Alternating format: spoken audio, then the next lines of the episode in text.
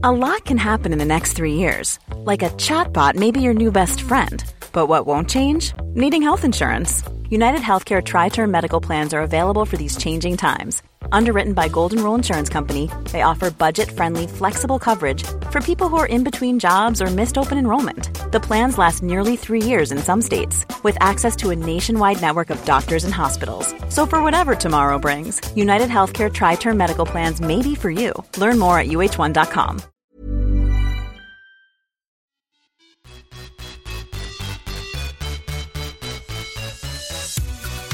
Hej podden! Hallå hallå! Hej Sara! Hej! idag är det lite speciellt för idag har vi en väldigt intressant gäst hos oss. Mm. som beskriver sig själv så här. Jag är en tränande matälskare som brinner för att skapa hälsa baserat på långsiktighet. Utan dieter och förbud. Något jag vill valt att kalla sustainable shapes. Jag är dessutom grundare av träningskonceptet Night Fight och har hållit träningsklasser så länge jag kan minnas. Jag gillar att stå både bakom och framför kameran. Helst av allt sticker jag iväg på resor där man kan surfa, åka snowboard och vandra. Fin beskrivning. Mm. Och vi är vana att se och inspireras av dig bland annat i din podd, din blogg och på din Instagram. Välkommen hit Alexandra Kamperhaug. Säger man så? Ja, så säger man. vi får ett väldigt härligt intryck av dig eh, på sociala medier i den här beskrivningen och när vi träffade så här på riktigt. Ja, vilken tur att det hänger ihop. det stämmer överens liksom ja, med den det verkar ja, vara. Vad roligt. Ja, men tack vad snälla ni är ja. mot mig. Jag tänkte med dig som en färgglad, eh, stark ja. personlighet och så kommer du in med en lysande gul tröja. och blå, yes. blå skor också, eller hur? Ja, det har jag. De är glittriga också. Färgklick. Jättehärligt. Ja, så nu känner jag mig nöjd. Nu kan jag gå härifrån bra jobb nu. Alla de här snälla sakerna till mig. Men vi är ju supernyfikna på, ja. på dig och vad du gör för det känns som att du har så mycket bollar i luften. Ja, ja. så är det nog egentligen. Och ibland så tänker man att, ja, det är så lustigt, jag är inne i en sån här period själv nu där jag känner att så här, vad håller jag på med? Jag står och stampar, jag gör ingenting. Och sen så när man hör liksom folk utifrån och så pratar de om vad man gör så bara, nej, kanske är lite dum mot mig själv mellan varven. Men mm. så är det nog. Det är, man får vara i sådana perioder ibland. Men eh, jo, det är klart att det händer mycket och eh, det är många bollar i luften. Det är mm. bara svårt ibland att inse det själv för man är hela tiden uppe i allt jobb. Så att, ja, jag vet inte.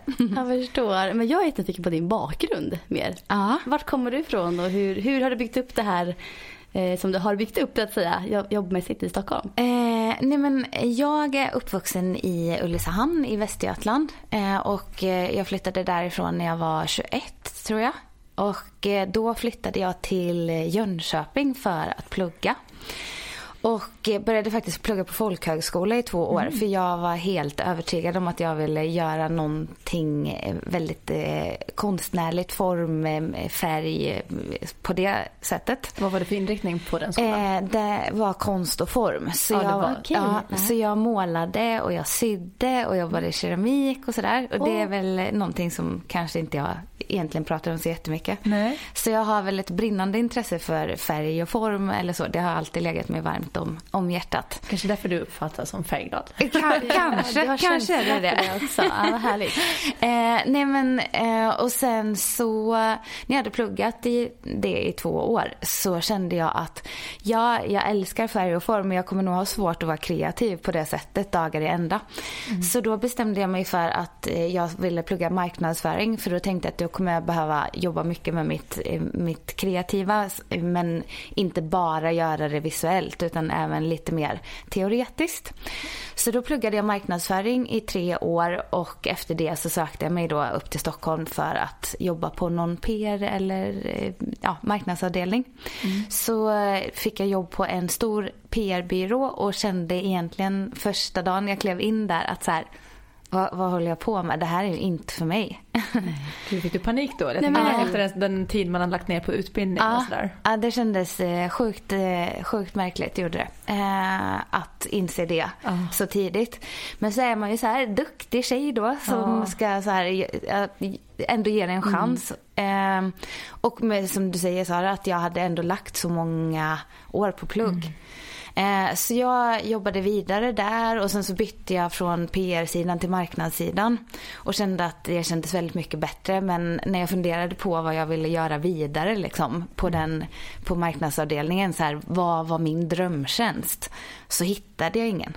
Så att, eh, och träningen då eh, har ju funnits med mig. Jag började instruera gruppträningsklasser på Tinas gym i Ulricehamn när jag var 17 år. Mm. då började jag hålla boxningsklasser. Uh. Och det låg liksom, vem jag än har sprungit på i, i, livet så har de sagt så här, varför jobbar du inte med träningen på heltid? Mm. Jag tycker du ska jobba med träning. Men det var som att jag, jag tror att jag var så rädd för att, att det skulle bli något negativt om jag började jobba med det. Mm. Eh, så att jag trängde bort allas kommentarer och mina egna tankar. Men sen då när jag inte trivdes på det här marknadsjobbet så började jag känna att nej, men det kanske ändå är så att jag ska göra någonting med träningen. Och så började jag bygga upp en bild av hur det skulle se ut. Och kom fram till att nej men då kommer jag ju faktiskt få göra väldigt mycket av allt det jag tycker är roligt. Mm. Både det visuella och det kreativa. Jag kommer få jobba väldigt mycket med människor vilket jag tycker är roligt. Jag har alltid älskat att hålla liksom, gruppträningsklasser. Eh, och liksom lära mig mer om kroppen och eh, grotta ner mig i det. Så att ju mer jag liksom eh, nötte på med de där tankarna desto tydligare blev det att det kanske faktiskt var det jag skulle göra. Höll du på med någon idrott då själv eller vad, hur hamnade du in på instruktörsrollen från början? Ja, eller så här. Jag spelade tennis eh, och tävlade och så fram till jag var 15 eh, tror jag. Uh. Och då någonstans där så började jag känna att nej, men antingen behöver man liksom satsa ordentligt mm. eller så liksom, kanske man inte ska lägga så mycket tid på det. Mm. Och i samma veva så började jag träna ganska mycket på gym. Jag började gå på klasser och sådär och tyckte mm. att det var superkul. Det var det, det, eh, stjärnor de som var liksom aerobicsinstruktörer och det var, ja, nej, men det var ju high life där nere. Bara killar ute i bland vikterna med så här stora linnen som man såg rakt in i och eh, fladdriga byxor liksom. Så det var ju det var ju länge sedan. Men... Eh, jag kommer faktiskt ihåg det också för jag hamnade inne i gymmet ah. via friidrotten. Ja, när jag var, samma för mig. När jag var 14. Ah, nej vad intressant. Mm. Och när jag, när jag var 14-15 år och, och, var på gymmet då. Eh, mm. Det var ju som sagt inte många andra unga tjejer och jag kommer ihåg att det var så här Wow. Alltså tänk att få jobba ah, här. Det var typ liksom... Typ, drömde om att få stå åtminstone i receptionen. Ja, jag menar, jag håller med. 100 Och det är så lustigt vad det var med. Men det är någonting med miljön ah. som, jag vet inte, för jag kommer ihåg det känslan. Nu är det roligt att man idag jobbar med träning. och så kan jag bara spola tillbaks till det här. För jag var också på lite andra vägar emellan och ah. plugga ekonomi och IT och ah. alltså. Men då är det så roligt att, där, att jag minns den där. Att de var ju så här, de som höll på klassen, de var liksom superstar. Men var det där ja, som du insåg alla att du... visste. Ja. Var där du insåg att du liksom ville vara instruktör? Ja, det var verkligen ja. så. För då, och sen så gick jag extremt mycket på boxer size som det hette då. och så vet jag att en av de här coola som man tyckte eh, som höll i de klasserna eh, kom fram till mig en dag när jag precis hade börjat gymnasiet och bara Jag vet att eh, ja, Tina är liksom, eh, gillar dig och är sugen på att du kanske ska vara instruktör. Och du vet, jag var så här, nej men jag dog sant? Jag bara, jag instruktör, vem har liksom löst det här? Alltså men det är så härligt. Alltså, ja. det är så här, drömmarna liksom ändå. Alltså, och det var ju, men det är den där känslan. Och att sen faktiskt kunna få ta den känslan till att det faktiskt ska bli ett jobb. Ja det, alltså, det, var, ja, det är jäkligt coolt. Den var ju vägen där, ja för sig, hit ganska lång. Alltså, den ja, ja den är ju, mm. ja det är en omväg dit mm, men ja. också att jag så här, Passionen att den fanns liksom. Ja lite så och jag vet också de, här, jag, de hade bilder på instruktörerna i receptionen. där det var så här, ja, bilder typ. ja och jag vet så här bara, tänk att ha sitt namn och sin bild på Tinas gym. Det var så här wow för mig. Så att, eh, ja, det, det var verkligen en drömbild. Eh, så. Men eh, ja, så någonstans där startade det liksom eh, från att, alltså jag har ju alltid varit en väldigt aktiv tjej så eh, och sportat och eh, liksom gillat det. älskat idrotten i skolan och sådär. Mm. Men ja, den där instruktörs, liksom, det är ändå, det var goals liksom. Ja, men, men nu har ju du själv grundat ett träningskoncept. Ja. The Night Fight. Ja, Eh, Hur det, kom det sig? Nej, det har ju sin, sitt ursprung då på Boxers ja. ja, det började på Tinas ja, Nej, men grejen är att det jag någonstans har identifierat eh, genom eh, liksom all träning eh, hela livet har ju egentligen varit att många tycker att det är så skräckinjagande. Är man inte en tränande person, bara att kliva över tröskeln in till gymmet är alltså både mentalt och Absolut. bildligt mm. väldigt stor. Eller så. Eh, och eh, boxning på något sätt har ju varit en sån där sak som jag upplever att folk alltid har älskat. Jag har liksom också rivit av allt som man kan riva av i gymformat av, av eh, eh kampsport. Mm. Det har varit liksom både combat och boxercise och det har varit ja, men, eh, ja, allt sånt det som folk tycker är jobbigt det är ju just, alltså eh, både combaten har varit lite att så här, det lockar inte alla för det känns lite fjantigt. Alltså det är ju sjukt krävande. men det är lite dans i samma Men det är lite dans, ja och mm. lite så här, många tycker att man hoppar och studsar men jag menar någonstans bygger det ju riktigt bra teknik i den typen av eh, skuggboxning. Mm. Eh, och sen då har du nästa variant där du eh, står och slår mot mittsar mm. och då tycker man att det är, så här, det är lite jobbigt att kliva in i en sal där du måste para ihop ihop dig med någon. Ja. Eh, du vet inte nivån på den andra. Nej. Och jag kan själv känna, trots att jag har hållit på liksom så länge med träningen, mm. att det är ett litet motstånd. Om mm. jag ska gå, då vill jag gå med någon som jag känner.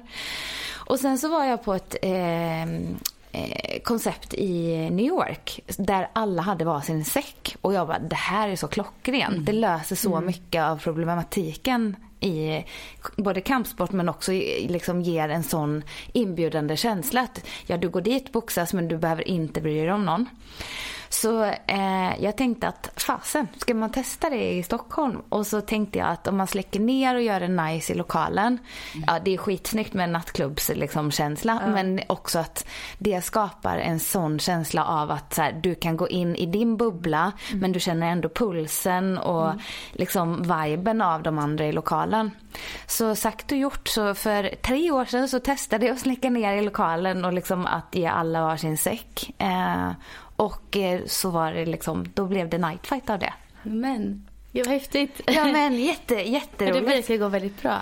Ja, det, nu är det ju verkligen full fart på det. Det är alltid så här innan man tar sig ja. utanför sitt eget nätverk. Alltså det har intresset, alla som har klivit in i lokalen från dag ett har tyckt att det typ är det roligaste de har tränat. Mm. Men sen som sagt att få det att läcka utanför sitt nätverk med en mans kapacitet. Mm. Det har varit kämpigt ändå. Mm. Eh, men, men hur kom det till att från att den här tanken i New York till ah. att det faktiskt hängde de här säckarna i en lokal och du skulle kunna släcka ner? Var det steget med, hade du någon hjälp att investera i det? Eller liksom Nej men det... alltså det var ju också så sjukt. Jag tror att vissa saker bara så här menat, menat att bli. Ja. För att eh, jag, när jag startade min träningsverksamhet så eh, snokade en kille som heter Marcus upp mig som driver Kalvhagen eh, och frågade om jag var intresserad av att börja hålla eller träna mina PT-kunder hos honom. Han bara, jag tycker det är så svårt att hitta eh, sköna personer. Mm. Jag har sneglat på dig och tycker du verkar härlig. Vill uh. du komma och kolla? Och då stod jag precis i startgroparna mm, och skulle hitta... Ja, to be. Ja men verkligen. Uh. och han är ju också så här kampsportskille. Mm. Så att eh, i hans lokal så hängde det säckar eh, ja. på ena sidan. Ja. Och sen när jag snackade om den här idén med honom, han bara, men Alexander du vet att jag har en, ett helt gäng till som alltså, du kan dra fram. Nej, jag bara, nej men. Snacka om att du skulle göra ja, det. Ja, så, så att det, det, var ju liksom, och det finns ingen annan lokal nej. i Stockholm som har det på det nej. sättet. Så att eh, nej, det var liksom, ja. jag hade det lite förskonat att det var så enkelt. Men samtidigt. Fast du såg ju också den möjligheten och den kom kanske till dig också för att du någonstans var redo. Ja, men kan, redan, du hade en bild om vad du skulle ja. ha. Eh, så att du hade, hade inte du sagt den här idén till honom. Nej. Då hade ju de där andra säckarna aldrig kommit in. Nej men kan, kanske att det är så. Och också att så här, ja men så fixade vi med belysning och mm. Eh, sådana saker. Men sen liksom Marcus har varit en sån nyckel i att jag har vågat göra saker. Jag tror mm. att man behöver ha någon sån mm. runt sig. Där man är så här, man kan inte göra allt men, men man kan komma med idéer och jag tror att ibland så som sagt vågar man börja prata och tänker mm. så, ja, men så löser det sig. Men samtidigt som det handlar någonstans om att man vågar ta de stegen också tänker jag. Ja. Såklart. Mm. Så häftig resa. Ja, men, ja, ja det, det är roligt mm. att det funkar. Du pratar också mycket om alltså, hållbarhet, mm. jag, kopplat till hälsa. Mm. Hur tänker du där? För du har myntat begreppet också sustainable shapes. Ja, precis. Mitt företag heter Sustainable Shapes. Det heter så? Ja, det är det. Ah, okay. eh, så mm. att, eh, nej men det har väl varit viktigt för mig egentligen från, från starten. Och jag, det är väl lite det Nightfighten handlar om också. Jag valde direkt att här, jag vill inte kalla det bootcamp. För för mig är det liksom eh, förknippat. Något du signar upp dig på? Ja, det är så här, mm. sex veckor stenhårt och så ja. kommer du ut på andra sidan mm. och då har din ja. eh, kropp formats på det här sättet.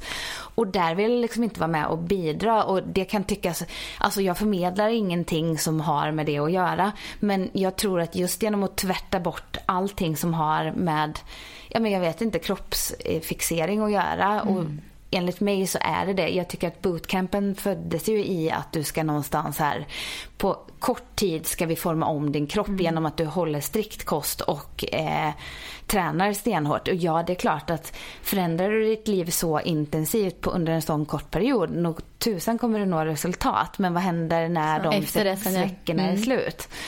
Så det känns alltid väldigt hårt bootcamp. Det känns också dels det men också så här militäriskt. Ja verkligen. Så jag tänker när någon säger bootcamp. Jag, jag har aldrig själv gillat att gå på den Nej, typen heller. För jag, inte jag gillar mycket så här, teknik och känsla mm. och känna in träningen. Ja. Och då känns det som att man ska krypa runt när någon skriker på en. Ja, jag om man ska göra burpees tills ja. man inte orkar längre. Nej och spyr man så är det typ plus i kanten. Ja, då jädrar wow. Jag ställer fram en papperskorg åt det här. Ja. Nej men alltså. Mm.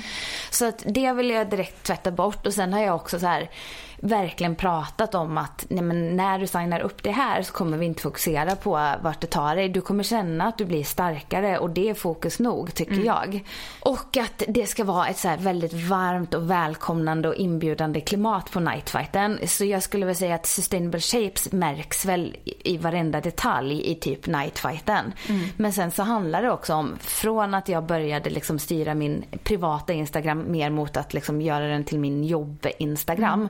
Så jag har valt så här, jag vill aldrig stå och prata om så här, vikt eller så här formar du. Och det kan ju, idag kanske det känns självklart men mm. Mm. Eh, bara för eh, fyra och ett halvt år sedan eller fem år sedan när jag mm. började min, starta min Instagram, då var det inte så. Det har, eh, hänt, det har hänt väldigt mycket som du det, säger på kort ja, tid i den det frågan. Hänt mm. väldigt mycket. Och hela mitt tänk det är någonting som jag har med mig från att jag började instruera klasser eh, när jag var ung. Mm. Jag pratar ofta om att så här, träna två dagar i veckan eh, mm. är en ganska lagom dos för att inte så här, vara hård mot sig själv eller ge sig själv dåligt samvete. Men också viktigt för att du ska liksom eh, hålla igång och må bra.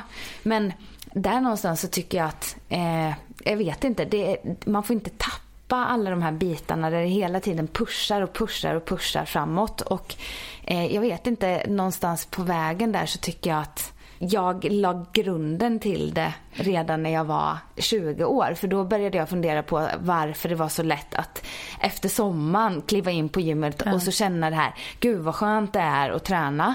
Och genom att känna det härliga i det så det blev det så lätt att man liksom drog på med fem eller sex dagar i veckan. Och så mm. gjorde man det under, utan att vara på ett mm. bootcamp så blev det omedvetet att man jobbade så. Och sen kom man in så blev man sjuk eller man eh, fick eh, mycket i skolan som jag hade då. Och så helt plötsligt tränar man ingenting alls. Så då vet jag att jag satte upp för första gången någonsin när jag var 20 att så här, okej okay, Alexandra, du mår ju bra av att träna, det är väldigt tydligt. Men du gör samma sak om och om och om mm. igen. Hur kan du förändra det här? Och då bestämde jag mig för att ja, men under åtta veckor nu så ska jag testa att bara träna två dagar i veckan. Eh, och det blev liksom min nyckel till att inte lägga ner träningen. Mm. Och då tänkte jag att det borde ju vara sjukt mycket bättre att jag får till åtminstone två dagar i veckan än att jag ruschar på i sex dagar i veckan och gör det i två månader och sen så tränar jag inte på fyra månader igen. Och jag tror att som sagt genom att plantera det lilla fröet redan där och då så har det liksom, det har gjort att jag har alltid varit ganska medveten i vad jag gör träningsmässigt. Men det har också någonstans varit en liten så här, eh, att gå tillbaka till när jag i perioder kanske har tränat lite för hårt av fel mm. anledning. Att så här, hitta tillbaka till någonstans utgångspunkten. För jag mm. tror att som tjej är det lätt att hamna i det här kroppsfixeringstänket. Och att man känner sig duktig ju Absolut. mer man gör. Ja, ja. Att, det, att fem pass är alltid bättre än tre. Mm. Alltid. Fast det behöver inte vara det. Nej, och jag Framförallt är... inte om man dessutom presterar i skola, extrajobb och allt. Alltså så här. Nej, jag håller med dig. Och någonstans som du var inne på där Sara, att vi vi jobbar kvalitativt mm, eh, mm. Kan också liksom innebära att det är fasen bättre att jobba de här tre riktigt grymma välplanerade passen mm. eh, med struktur än att köra sex intensiva hårda pass där du verkligen aldrig får liksom mm. ro i kroppen. Absolut. Det är något som vad Josefin och jag ofta pratar om i den här podden. att, ja, gud, ja. att för bättre resultat så är det sällan som mera mängder svaret. Nej, nej men exakt. Snarare tvärtom. Utan det är lite mindre mängd med mer kvalitet. Exakt. Mm. Se över vad som vad innehållet i passen är mm. Mot det mm. man vill eh, nå. Mm. Och forma det istället för att bara slänga in mer. Ja, nej men och det, det där tror jag att man behöver plantera extremt mycket och det ser jag när man håller träningsklasser också så här, mm. Så fort man börjar förklara varför vi ska känna eh, i varje rörelse så är det som att man behöver nöta de orden hundra gånger mer än vad man behöver säga att här, dra på nu i tempo. Mm. För att det är som att man förknippar så mycket bra träning med att svetten droppar och mm. att det är svårt att andas. Mm. Mm. Men man glömmer bort att liksom, hittar man inte någonsin ut med knäna i sin squat och känner mm. kontakt i sin rumpa, då spelar inte de där pulshöjande skotten Nej. någon som helst roll överhuvudtaget. Och det där tycker jag är, det, det är så tydligt i, liksom, när man tränar en stor grupp. Att mm. det är det som man har blivit matad med. Liksom. Du delar med dig av mycket av det här hur du tänker i din blogg. Ja, mm. jag försöker det i alla fall. Som du har hos L. Ja. ja. Yes. Och du har skrivit en bok tillsammans med Anja. Ja, yes. Hur, alltså, hur har du kommit hit? Alltså, hur, hur jobbar ni? Hur ser dina dagar ut arbetsmässigt? Nej, men... Alltså ibland tänker jag att jag bara har flyt allt jag gör. Det kan inte eh, vara så bara. Nej, men, nej jag, och sen, för jag tycker själv att jag är ganska ostrukturerad.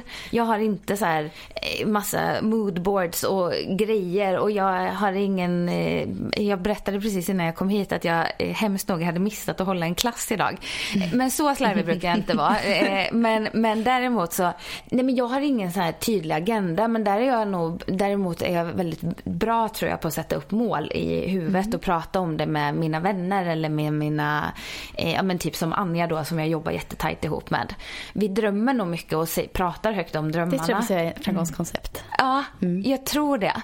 Eh, och sen är jag väldigt mycket så här, jag tror, jag är inte, jag är inte styrd av att så här, åh jag vill komma hit och lyckas med det här. Utan jag är nog väldigt mycket mer så här, det här mår jag bra av, mm. det här ska jag satsa på. Mm. Det här vill du göra mer av. Eller ja, verkligen så. Du lever ju också efter det hållbarhetstänket i dig själv också. Fast ja. du inte tänker på det. Men det, det låter ju väldigt hållbart och sunt. Ja, men jag hoppas Att leva det. så och inte bara så här, göra det här för att man ska göra det. Utan för Nej. att du vill innerst inne, det här känner jag för att göra just nu. Ja, och, och jag, tror att, jag, jag, tror att det är så viktigt att mm. vara lite sann mot sig själv. Det, så måste man ju. Så här, jag har nog varit väldigt tydlig med att jag vet att, att under de första åren när jag startar min verksamhet då kommer jag behöva slita rumpan av mig. Mm. Eh, då kommer jag behöva tacka ja till väldigt mycket saker.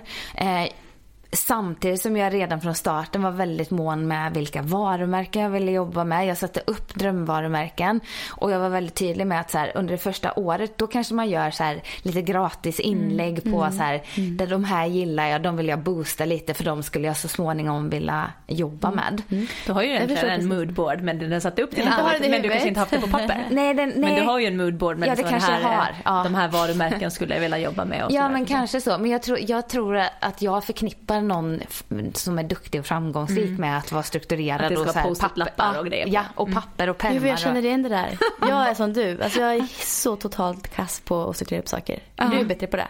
Har jag märkt. Ja, ibland. Men jag känner som så. Jag, men, kan, jag har gjort några så här mood, moodboards. Eller uh. jag, mm, vad brukar jag kalla dem? Men det gör jag oftast eh, så här typ i början, efter sommaren. Ja. Eller efter när jag bara känner så här, och då, jag tänker också lite mer så här, vad vill jag ha mer av i ja. mitt liv? Ja. Vad är viktigt? Och då mm. brukar jag göra, för att jag tycker om att se det framför mm. mig. Men jag jobbar mer med bilder än med mm. text och lappar. Mm. Då kanske jag gör en, ett, eh, en powerpoint eller vad ska man säga, nej inte power, vad säger jag, men bara ett ark med. Ena hörnet är det någonting med familj, sen är det träning, eh, vänner, jobb mm. och så sätter jag in en bild på någonting som representerar det jag vill ha mer av. Ja. Mm. Och sen kan jag ha den som bakgrundsbild på datorn eller någonting för det blir någonting att jag blir så glad och eh, inspirerad. inspirerad ja. Men sen är det inte heller så här, jag, är inte så mycket så här checkar av mål och skriver upp alltså så här deadlines och sånt. Att då ska jag ha uppnått det. Utan det är mer bara att försöka styra mig själv till vad jag faktiskt vill. Mm. Och jag tror att det är jätteviktigt. Och sen så tror jag egentligen att jag säger emot mig själv. För jag tror inte det liksom är formen för hur man gör det. För uppenbarligen mm. så har jag ju liksom...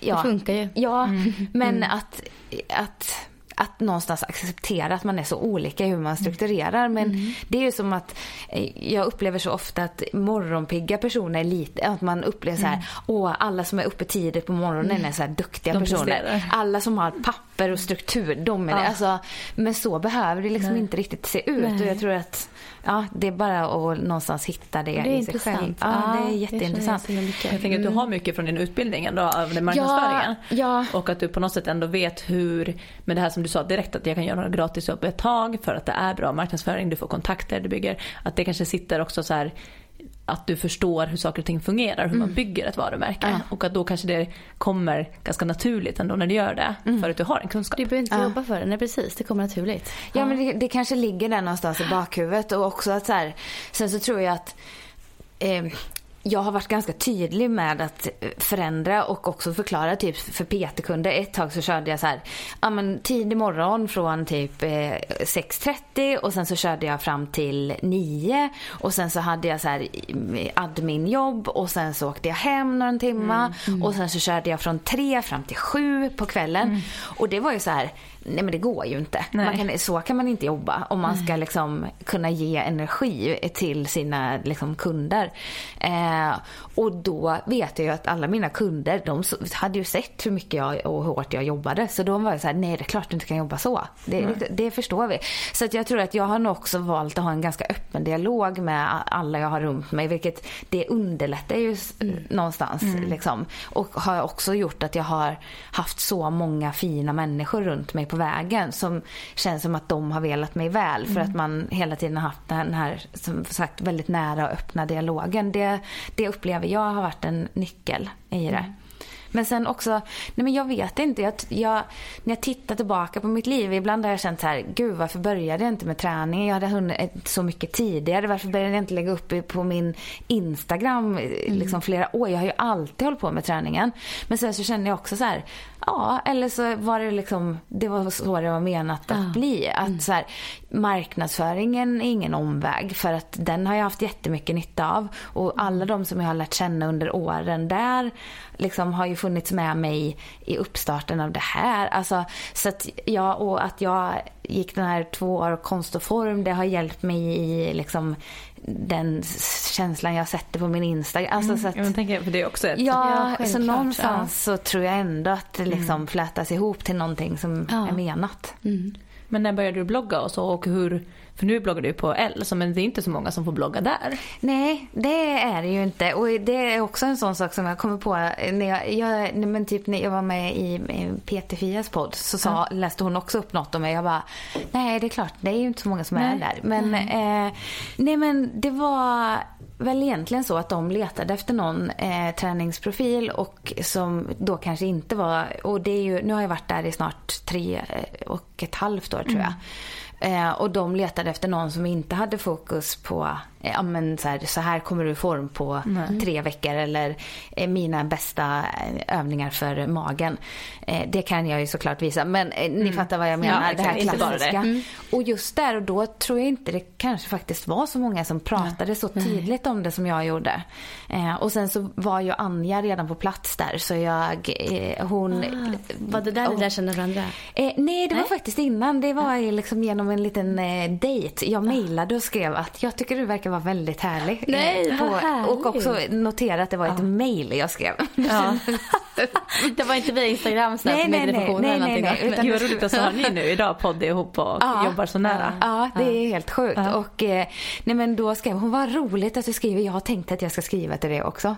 Eh, och sen så tog vi en kaffe som blev en tre timmars eh, variant. Ja. Och vi bara så här, det här är så sjukt, vi är så lika och har så mycket. Eh, gemensamma värderingar. Mm. Eh, och så när de då på L började prata om att de ville ha någon träningsprofil så nämnde hon mig och då tror jag att de hade, hade svårt liksom att hitta någon som var mm liksom matchade mig. Och när, det var också, ja men ni hör ju nu, jag sitter och känner att jag, jag liksom, min bild stämmer inte överens med vad jag säger men. Nej, men alltså jag som lyssnar tycker att det låter så självklart. Ah, okay, är så här, du har mejlat, hur många har mejlat en som man tycker inspireras och liksom på den vägen. Du har inte halkat in på ett bananskal. Nej. För du skickar nej. ju ett mejl. Ja. Och det ja. är många som inte hade vågat göra det. Nej. Så för mig så tycker jag att det är bara så här, att du gör saker, du agerar och du får saker. Ja, ja det kanske är så. Och det, då är det ju med all rätt som, ja. och det är därför jag antar att du också gör det så bra för att du är redo för de stegen. Ja, men det kanske är så. Men det är bra. Jag känner att jag har kommit till insikt under det här samtalet. Ja.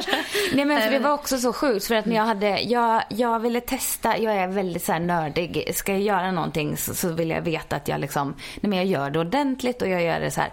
Så att då började jag i egen regi blogga på min egen hemsida mm. eh, och så tänkte jag att jag ger det ett år bara för att se, gillar jag formatet? För jag vill inte slå på stora trumman och satsa på någon stor portal om inte jag känner när jag har börjat skriva att det här tycker jag är roligt. Mm. Och det var också, jag har alltid älskat att skriva men mm. har haft lite fördomar runt så här podd, poddmänniskor, mm. eller vad säger jag, blogg, bloggare.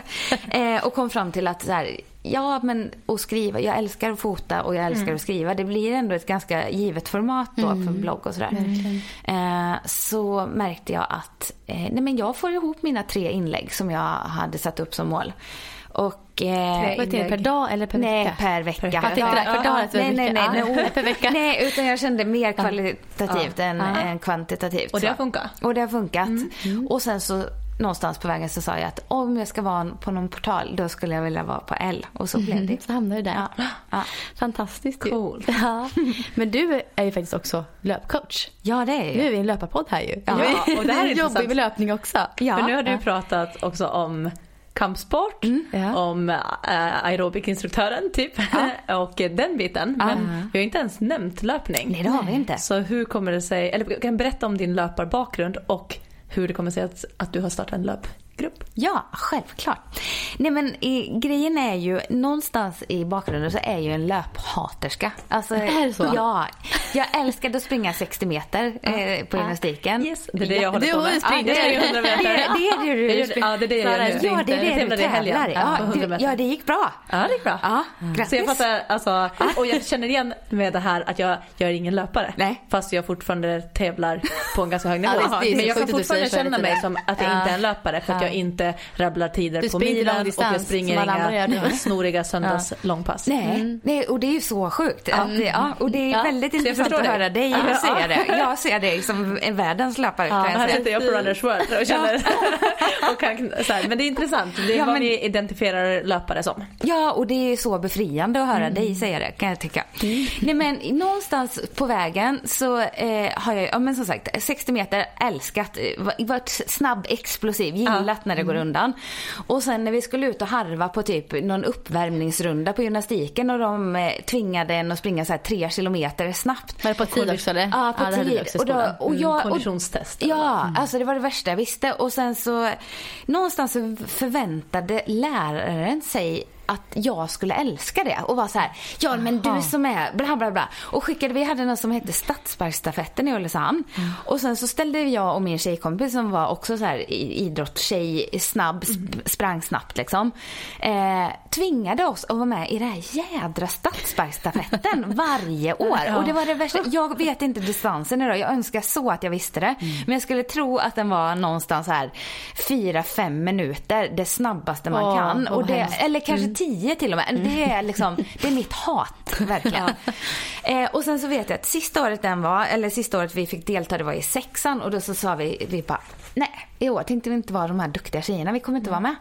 Då ställer sig läraren inför hela klassen och bara, Sofia och Alexandra, jag är så besviken på er att ni inte är med. Eh, jag hade förväntat mig så mycket mer av er.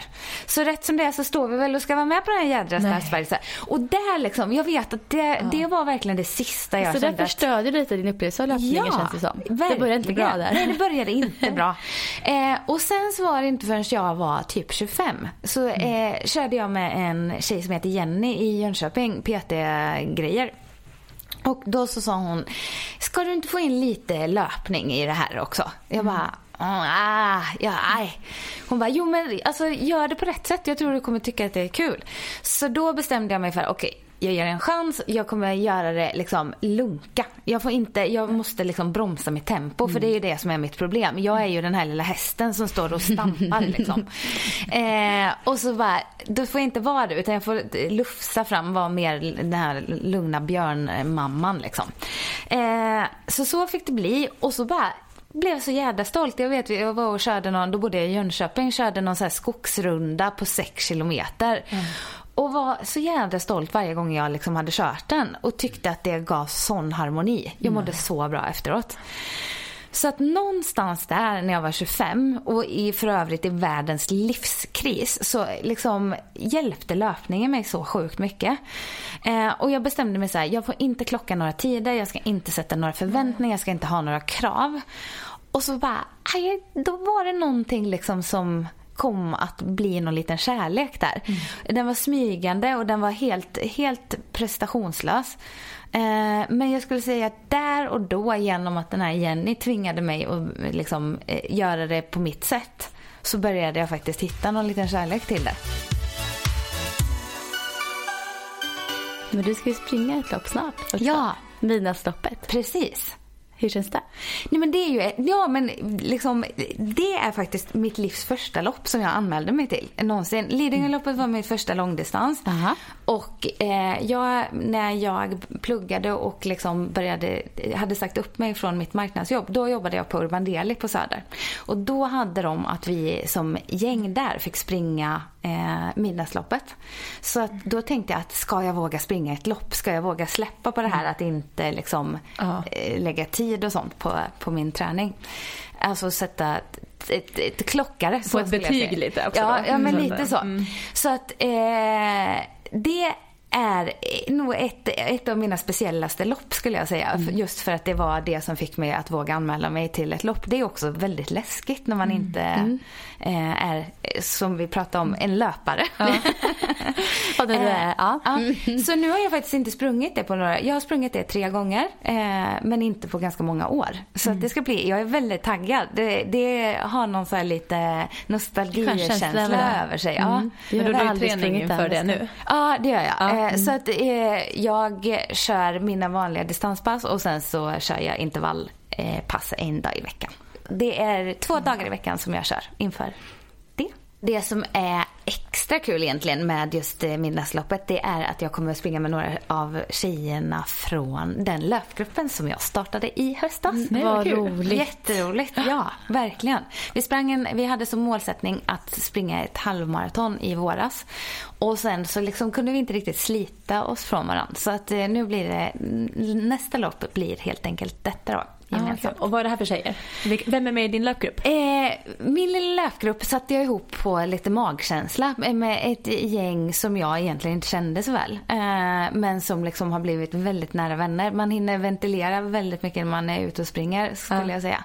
Och så ni ses regelbundet? Vi ses regelbundet. Mm. Eh, och det är nej men, egentligen en grupp tjejer där vi alla är så här lite skeptiska till löpning och också där vi absolut inte vill springa i grupp. Att vi har tänkt mm. allihopa att fasen, det känns jäkligt läskigt att så behöva pressa sig i någonting.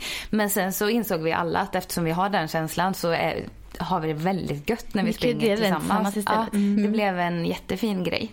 Eh, så att det är eh, en tjej som heter Flora Wiström och det är en tjej som heter Alexandra Andersson. Det är en tjej som heter Susanne Holmsäter och det är Happy Jankell och det är en tjej som heter Linda Är Hedström. alla de här med Adidas Runners? Eller nej? Eh, ja, alltså vi... Nej, nej, Nej. ja, nej. Men liksom coach... Alla med och springer med dem? Ja, Mm. alla är med och springer. Ja, precis. Och det, det är väl... Vi, jag har gjort en liten sido, en sidogrupp från Adidas Runners-grejen. Mm. Som jag, jag har ju coachat där jättelänge. Men jag har, ju, jag har gjort uppror och startat ett litet sidospår kan man väl säga. Så. För de som egentligen inte är löpare. Nej, Ja, precis. För oss som egentligen Jag kanske får inte- med någon gång. Ja, du får jättegärna vara med där. Du kan få hålla ett intervallpass Ja, på precis. 100 meter. På banan. Ja, på bana tack. Ja. Ja, men jag tänker också fråga, vad har du för framtida mål med din egna träning? Eh, alltså, det är ju så roligt för jag smsade eh, Lisa Beskow eh, för typ fyra veckor sedan och bara Hej, nu, nu ska du coacha mig ett tag. Eh, Se där. Lisa är ju det som vi har haft gäst här i vår Ja, första gäst i podden. Ja, eh, vi ska nu eh, liksom anta oss, mig och så ska jag någonstans i, på den här resan börja förstå att jag är en löpare. Eftersom att jag alltid har haft det så luststyrt och tyckt att det har varit väldigt härligt. Eh, och, men, och jag skulle vilja eh, träna lite mer medvetet mot ett lopp. Skulle jag. Ja. Så att eh, jag har satt eh, coach Lisa på att coacha coach Kamperhaug. Får vi se hur det här ska gå. Ja. Gud vad spännande, det här Så vill vi följa. Bli, ja men det ska bli och jag tänker att planen är att man ska få följa med på den resan. Att det blir en liten snabbare Alexandra. Ja. Grymt. Ja. Kul! ja, tack. Eh, det här avsnittet sponsras av Adidas marknadsledande Boost-teknologi. Vilket är ett av de bästa material en löpare kan ha under fötterna. Amerikanska Runners World testade Boost mot 800 andra märken och modeller och utnämnde efter det här testet Adidas Boost-teknologi till det bästa materialet bland konkurrenterna. Boost ger dig en extremt hög respons i varje steg. Vilket innebär att du får tillbaka mycket av den energi du använder när du springer. Och nu när vi har Alexandra Kamperhaug här som är ambassadör för Adidas Yes. så undrar jag vilka skomodeller du springer i. Ja. Nej men alltså jag är ju en liten eh, boost-fanatiker. Och eh, jag springer gärna i pulsboosten inne i stan. Och där springer jag ju väldigt mycket och ofta. Den sitter liksom som en smäck på min fot. Den är jag väldigt förtjust i.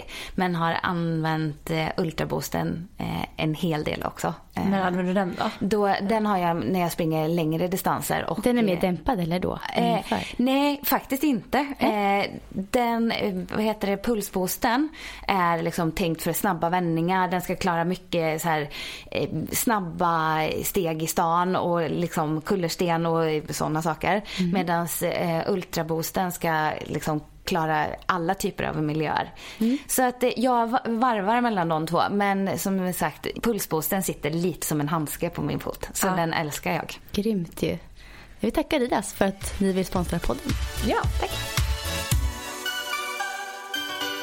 Då är vi framme vid vår sista del och eh, Ja. då ska vi faktiskt få eh, ta del av eh, Alexandras favoriter. Yes, okej. Spännande. Spännande säger jag också.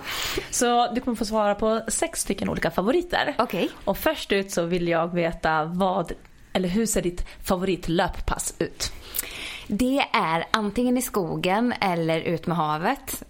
Gärna en typ sensommarkväll. Och eh, när det börjar bli lite kyligt men du kan fortfarande hoppa i och ta ett dopp efter rundan. Det tycker jag, då lever jag. Så säger jag. Ett riktigt sommar, Ja, sommarpass. Verkligen. Får passa på att köra så många sådana nu då. Ja, verkligen. Precis. Nästa fråga där då. Eh, vilken är din favoritövning i gymmet? Jag gillar ju riktigt tunga grejer. Jag gillar marklyft jättemycket och dunka på liksom upp över 100 kilos varianten. Eller eh, riktigt tunga benböj, då känner jag mig eh, ja, on fire. När man Mycket får, power. Liksom, ja, mycket power. Alltså jag känner att ja. vi skulle kunna träna. Vi skulle kunna springa 60 meter och dra Ja, jag, mark ihop. jag känner det här. Jag älskar det här. Sara. Jag ser fram emot en inbjudan Jag vill också köra marklyft med för jag behöver också köra mer hård styrketräning. Ja, härligt. Eh, Okej, nästa då. Eh, din favoritdistans, om du bara får välja en distans att springa. Det kan vara lopp eller som träning, men vad är din då favoritdistans? Nej men alltså jag är ju så svag för att sticka iväg på en, liksom det snabbaste man kan. Mm. Alltså mm. ställ mig med 100 meters linjen och jag drar iväg. Alltså det är det roligaste som finns. Visst är det så här, för det, jag kan känna så här när jag har sprungit långt, för jag har sprungit långlopp ah, också. Jag har också ah. tagit en sväng ut här. men jag kunde känna den här känslan av att få dra på all power, som ah. med ett marklyft. Mm. Och bara få inte behöva spara. För jag menar inte att man inte tar ut sig när man springer milen, men man tar ut sig på ett annat sätt. För man måste oh, ja. hela tiden, man får aldrig det låter, lite, det låter lite kaxigt men så här, jag kan förklara det någon gång att det känns som att jag kör runt i en stor Ferrari men jag får aldrig dra på. Ja. nej, men, Förstår du? Att jag får bara glida runt och jag får aldrig använda motorn. Nej, nej. Och den känslan att bara få så här, inte behöva disponera och tänka liksom, att det ska hålla hela vägen utan bara bam på. Alltså, ja det är så njutbart. Alltså jag blir sugen på att öka på och börja köra snabbt också. Jag började som friidrottare och sprinter också i, i grunden så. Mm. Gått över långdistanslöpning väldigt mycket många år nu. Mm. Och jag blir så sugen på att köra snabbare distanser. Det känns det är på uppgång. Ja, men jag kanske kör ja. sprint tycker jag mer än vad jag har, liksom, någonsin har. Eller så alltså, har du umgås mer med mig. Eller det, det, det kan vara det också. Det Sen så stoltheten när man kliver i mål på ett långpass. Ja. Det är ju, det är ju något stort det över det. Magisk också. Men, men det är ju inte, det är ju inte den, alltså jag mår ju som en liksom, nej men jag mm. vet inte, kung när jag har sprungit en så här snabb jäkel. Ja, ja, ja härligt. Okej nästa då. Eh, ditt favoritlopp som du har sprungit? Alltså det här kommer ju låta sjukt i huvudet men jag säger ändå Lidingöloppet. Mm. Eh, det gör jag. jag. Alltså det var så mycket med det. Jag, jag är ju svag för naturen och mm. jag är någonstans svag för backar mm. även om det är jättejobbigt. Så men då får jag, du här mm, ja, jag, blir, jag blir den här ardennerhästen som ska mm. hålla på upp mm. där. Det är mycket mm. hästar och djur här inne på mig. ja.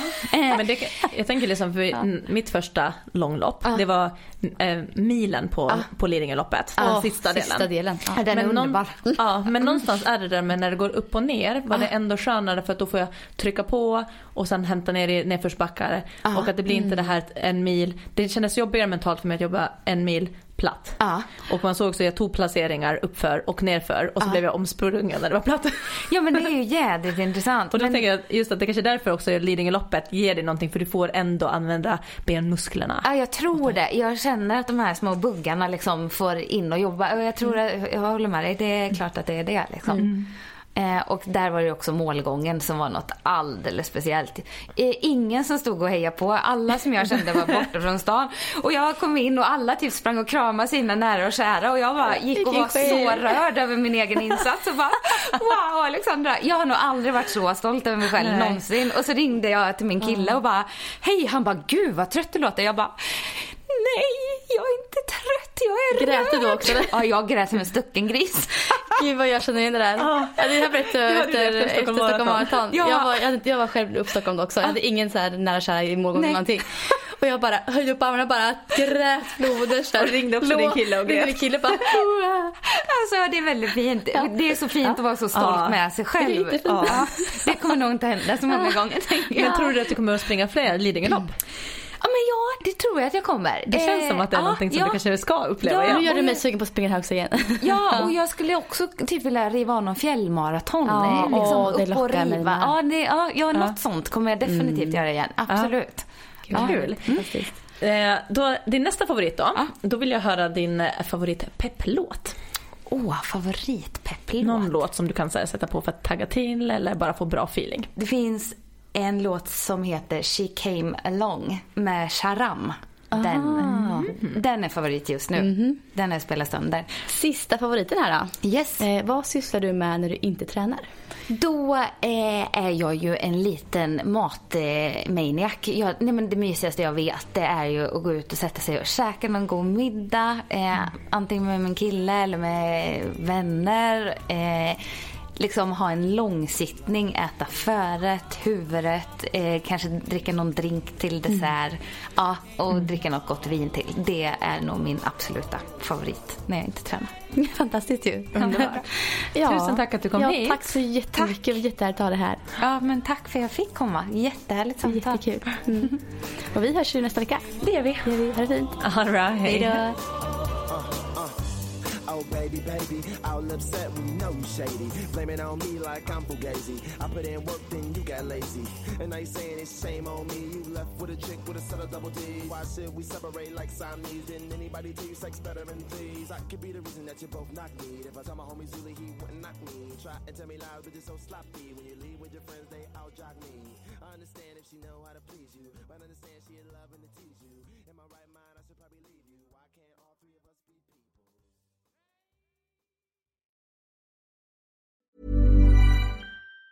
Planning for your next trip? Elevate your travel style with Quince. Quince has all the jet setting essentials you'll want for your next getaway, like European linen, premium luggage options, buttery soft Italian leather bags, and so much more. And it's all priced at 50 to 80% less than similar brands. Plus, Quince only works with factories that use safe and ethical manufacturing practices. Pack your bags with high-quality essentials you'll be wearing for vacations to come with Quince. Go to quince.com slash trip for free shipping and 365-day returns.